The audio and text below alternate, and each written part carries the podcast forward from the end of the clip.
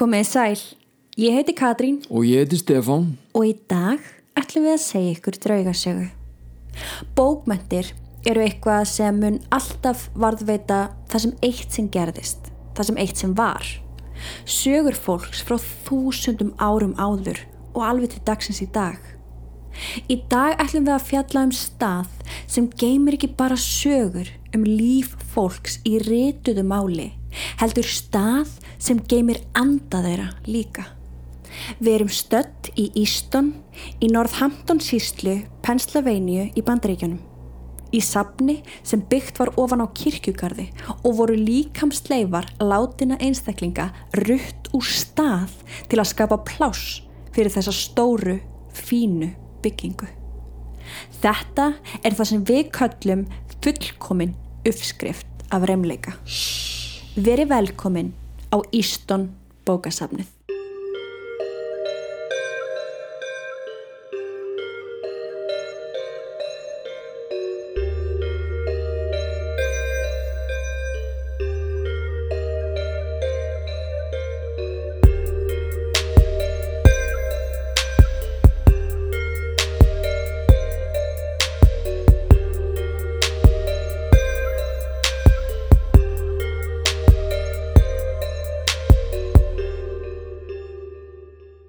Bókasafnið í Easton er stór og virðuleg bygging byggð úr múrsteinum og graníti.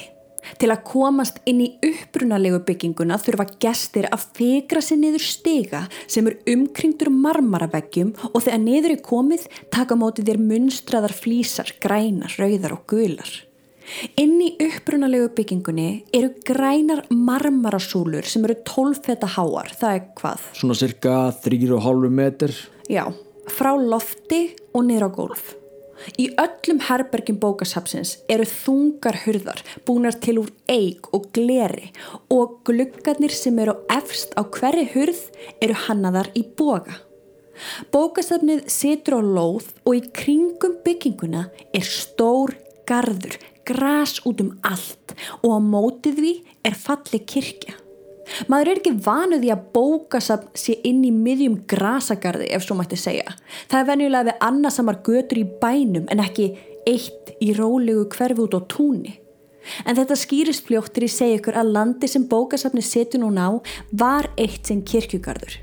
Þegar betur er aðgáð má sjá misfellur í grasinu í kring, þar sem grafir eitt sem voru og sumstaðar er búið að afmarka lítið svæði með grindverkum til þess að venda gamlar grafir ástvinna. Maður verður að dást af ákveðninni í íbúum Ístun. Árið 1895 ákvað fólkið að það vildi eiga stórt almennings bókasafn. Þannig að þau stopnuðu bókasafnsfélagið með það markmið að fá skólastjórnundur og skattgreðendur til þess að fjármagna þessa nýju stopnun. En það var einn hængur á. Það var ekkert pláss í bænum fyrir stórt bókasafn. En fólki leta ekki stoppa sig og þau ákváðu að byggja á gömlum gravreit á móti kirkjunni. Þegar þau fengu það í gegn að skólanir í bænum og skattgreðendur myndi borga fyrir nýju bygginguna sóttu þau um styrk hjá Andrew Carnegie og hann veitti þeim 50.000 dólar styrk. Þau vildu nýtt bókasafn og það fengu þau. Byggt ofan á gömlum kirkjugarði og opnaði árið 1903 aðeins 8 árum eftir að þau fengu fyrst hugmyndina. Sko hér á Íslandi tölum við um kirkjugarða eða gravreitt Já. og hérna er útskýring tekið af heimasíðunni garður.is. Ok. Kirkjugarðar og gravreitir eru friðhelgir. Það má ekki reysa mannvirki, stafrækja stopnanir eða reka fyrirtæki sem frástafar háfaði eða is í nánd við kirkjugarða. Já, það er nú svolítið skýrt og það er ekki eins og er að gerast þarna í Ístón hjá okkur. Nei, þannig að kirkjugarðar og gravreitir hér á Íslandi eru heilagir. Já. En skoðum aðeins hvernig þetta er í bandaríkjónum þar sem þessi saga okkur í dag gerist. Það er munur á graveyard og cemetery. Orðið cemetery kemur úr grísku og þýðir svefnpláss. Það gefur í skinn að landið sé sérstaklega tilnæmt sem gravreitur. Orðið graveyard eins og við erum að tala um í þessari sögu Já. þýðir í rauninni gravreitur innan kirkjugarðs eða við kirkju. Alveg mikill kvildarstaður svo sem Já, já, en graveyard er samt tengt einhverju kirkju. Og það er Ok. til dæmis oft þannig að bara kristnir menn með að vera grafnir í þessum graveyard og svo framvegis. Og svo bara til gamans þá má nefna að þú ert með ákveði pláss í cemetery í ákveðin tíma. Það er hægt að hugsa þetta eiginlega eins og leigusamning. Þú ert með plássið leikt í 20 ár og þá færðu tækifæri eða ástvinni þínir auðvitað til að endur nýja leigusamningin og ef þú gerir það ekki þá í rauninni fær einhver annar gröfina þína spáði því um mitt Ok, Almenningsbókasafn Ístón hjælt áfram að vaksa í gegnum tíðina og hlaut annan styrk frá Carnegie árið 1911. Árið 1941 var bætt við Norðurálmu og ofan á hana var síðan byggt ris til þess að fá meira bókarými. Árið 1963 hlaut bókasafni þann heiður að vera eitt af 28 glæsilegustu almenningssöfnum í Pennsylvania. En þau hefðu átt að vita að maður á aldrei að færa grafir fólks. Það er lítis virðandi fyrir þá sem eiga kvíla í friði og getur oft leitt til mikils reymleika órólegra anda. Gott og blessað að þau veldu bókasafn en að grafa upp líkamsluta fólks, flytja grafirnar, skemma gamla leggsteina og búa til eina fjöldagröf fyrir allt þetta fólk og þeirra muni til þess að breyta kirkjugarðunum í land til annara nótkunnar er alls ekki góð hugmynd og getur verið stór hættuleg jafnvel. já, ég meina þú veist fyrir utan það að þannig erstu með bara fullkomna uppskrift af reymleika þá erum við líka að tala um bara sjúkdóma og alls konar bakteríur og, og slíkt. Sko að grafa upp líkamsleifar hefur og verður sennilega alltaf svona ákveðið tabú. Að hluta til vegna þess að mörg trúabröð reynilega banna uppgröft svo að ekki sé rösku kvíld þeirra sem látnir eru og oftast eru, er það náttúrulega bara bundið við lög það er náttúrulega bara og bókstaflega ólöglegt svona almennt, það er að segja Margir ættbólkar Indiana til dæmis teljað uppgreftur á líkamslegu manna geta valdið óráa hjá öndum þeirra sem að myndu annars kvíla bara í friði. Mm -hmm. Rabbína samþykja sjaldan uppgröft á geðingum nema í sko algjörum undantekninga tilfellum.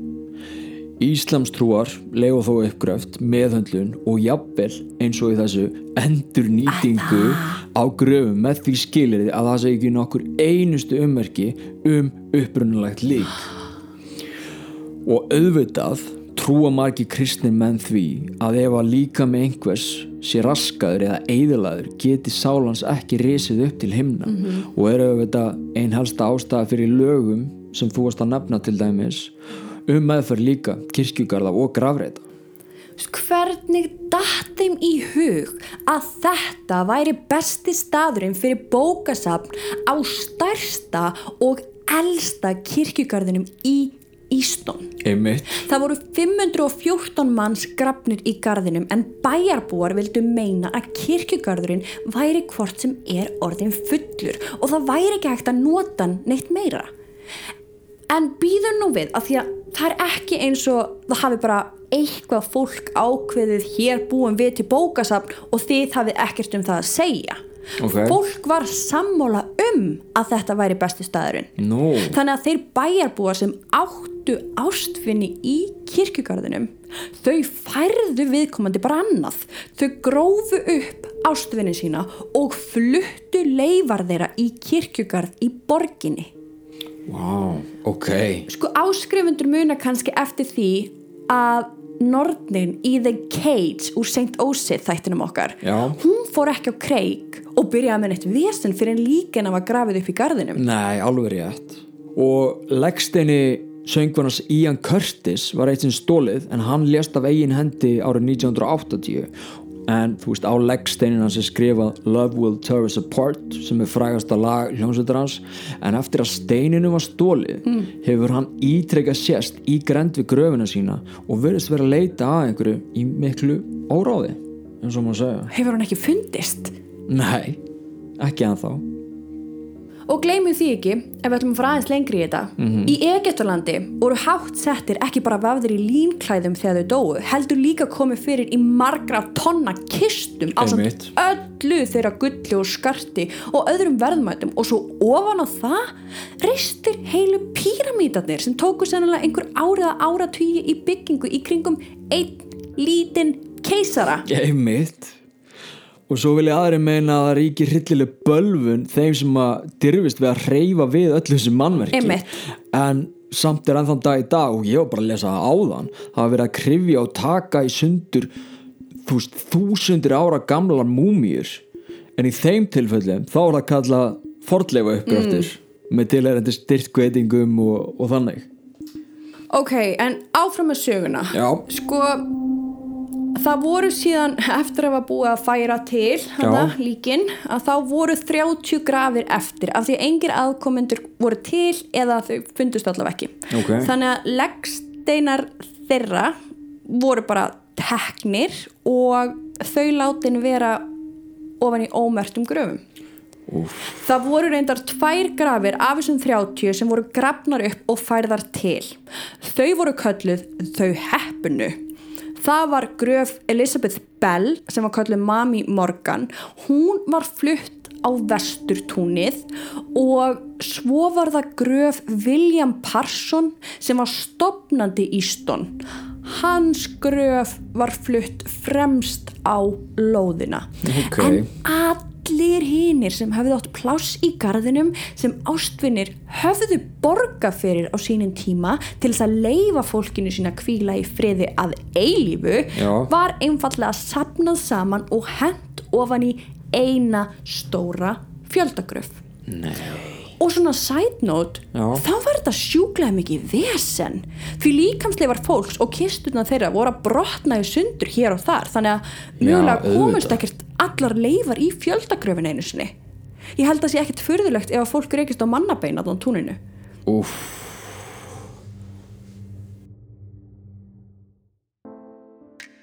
Samstarfsaðli vikunar er Les Rose Studio. Persónulega hef ég aldrei verið jafn spennt fyrir samstarfi því þeir sem þekkja mig vita að ég hef verið með augnháralengingar í öruglega 5 ár. Ég á fjögur börn, kvolp og eins og flestir íslendingar er ég alltaf á ferðinni svo ég bókstælega hef engan tíma til þess að gera mig til á morgnana. En Maggie hjá Les Rose Studio sér til þess að þetta gangi upp án þess að ég þurfa að gera neitt. Jú, ég fyrir lagfæringu á svona fjögur vekna fresti og oftast þá sopna ég með podcast í eyrunum.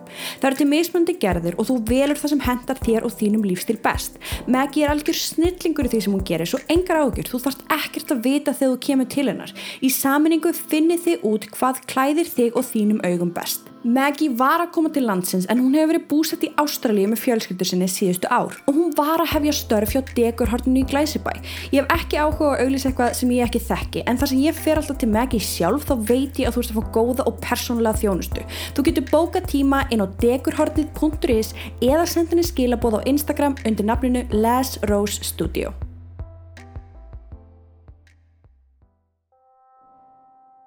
Og smá svona side story. Tveir menn, Hare og Burke, voru sennilega með frægustu grafræningum Skotlands en þeir voru allræmdir í Edinborg. Þegar læknavísendin byrjuði fyrsta blómstra um aldamótin 1800 var einungist leifilegt fyrir læknanima að krifja og rannsaka lík glæbamanna sem dæmdir voru til dauða. En þegar dauðarefsingum fór að fækka, fór þetta verklega námsefni auðvitað líka minka. Her og Börk sáu þar tækifæri og gróf upp líkamsleifar fólks í kirkjugörðum borgarinnar og seldu til læknisfræðadeildar háskólans. Þegar draugagangur virtist hræða fólk úr einum kirkjugörðunum í tíma og ótíma fór grunur að vakna um að það væri allt með feldu. En það væri kirkjugörða til þess að ástvinir okkar myndu kvíla í friði. Þá kom í ljós að allmargir höfðu verið grafnir upp og líkum þeirra stólið. Næturverðir voru skipaðir til að sjá um eftirlit með görðunum og sumir brúð á það ráð að byggja grafhísi um hverju skrafir ástina sinna. Her og Börk dó ekki ráðalausir og byrjuðu bara sjálfur að myrða fólk, hægri vinstri og hækkuðu takstan á líkonu sem þeir seldu skólanum henda um að ræða mjög ferska vöru, ef svo maður segja. Jú, jú Þetta komst allavega lokum upp og þeir voru dæmdir. Ok. Og bara með þessari litlu sætsögu að þá er maður í raunin að sjá þetta er bara alveg svo ólöglegt. Þetta er kólólöglegt og það er alveg, þú veist, grave robbers út um allt. Já, já, og líka þú veist á þessum tíma þá var þetta rosalega mikið til svona grave robbers af því að ættingjar og ástofinir þeir jörðuðu sitt fólk bara með skartgripum og, og slíku. En okkar fólk í Ístón er núna búið að færa grafir hinga og þanga til að gera pláss fyrir bókasafnið. jú, jú, En til að bæta gráu ofan á svart, þá ákvað fólkið að malbygga yfir fjöldagröfina og ekki bara hana, heldur fleiri grafir sem voru enn á eigninni til þess að búa til bílastæði og býði bara. Þessi kvelving sést súper vel við norðaustur útgangin af því að steipan er alltaf að sökva neðar og neðar akkurat á þessum blett. Og sama hvað er reynd að gera þá er ekki hægt að laga það. Og þessi kvelving eða fjöldagröf sem sjöst svona augljóslega fyrir utan tegir úr sér undir barnahornið á bókasafninu. Nei. Huggulegt. Þetta bara sekkur og sekkur Vá. og ég ætla að setja inn mynd og þá sjáu þið, þú veist þetta er bara gangstjætt en á einum parti já, að þá er gangstjættin að sökva og Vá. það er bara akkurat þar sem fjöldagröfin er. Oi hversu svo óhugulegt gengur fólk bara hann ofan á. Leggur bílónu sínum og eitthvað. En nú er fólkið svona í gegnum árin eitthvað aðeins byrja að sjá að sér og, og, og vil bæta upp virðingaleysi og hegðun íbúna í gegnum áringa hvort fólkinu. Eða líkum þeirra sem voru lögð til kvílar með því að búa til kirkjugarðakort sem er til sínis aftast í bókasafninu.